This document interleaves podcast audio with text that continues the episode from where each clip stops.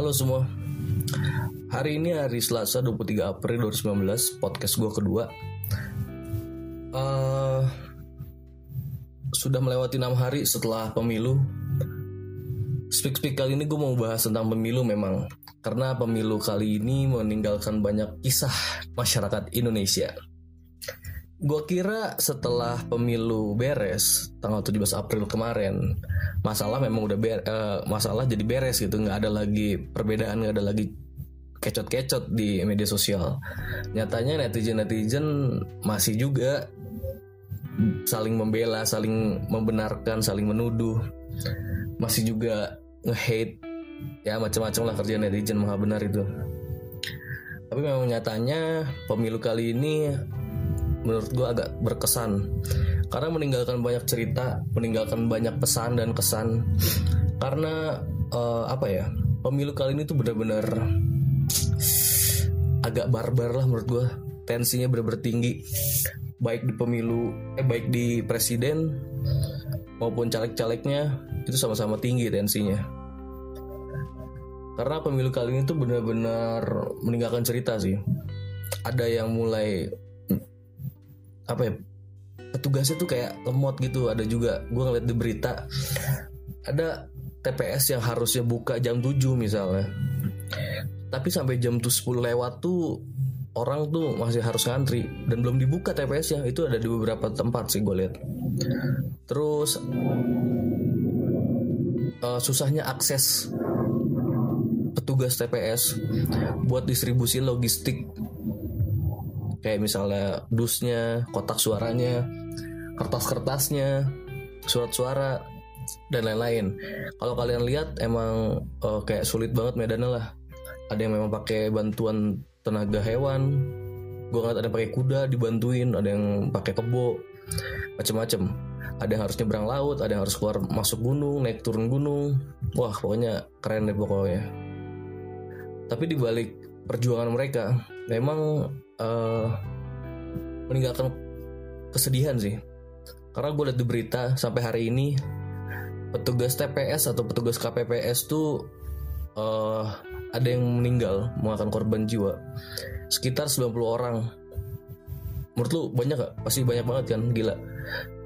Di balik pesta demokrasi di balik uh, kebahagiaan orang-orang tapi tetap ada segelintir orang yang merasa kesedihan tapi selain uh, petugas TPS yang sipil yang biasa ada juga polisi-polisi menjadi korban. Gue baca di artikel tadi ada sekitar 15 orangan lah.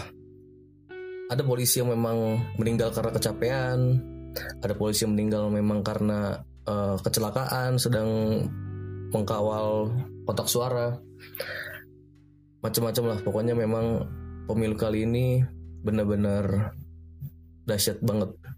Uh, harapan gue sih benar sebenarnya pemilu kali ini tuh gimana ya? Ya pokoknya jadi bahan evaluasi lah. Soalnya pemerintah tuh udah menganggarkan 25 triliun buat pemilu kali ini. Tapi pemilu kali ini memang ya belum berjalan segimana mestinya.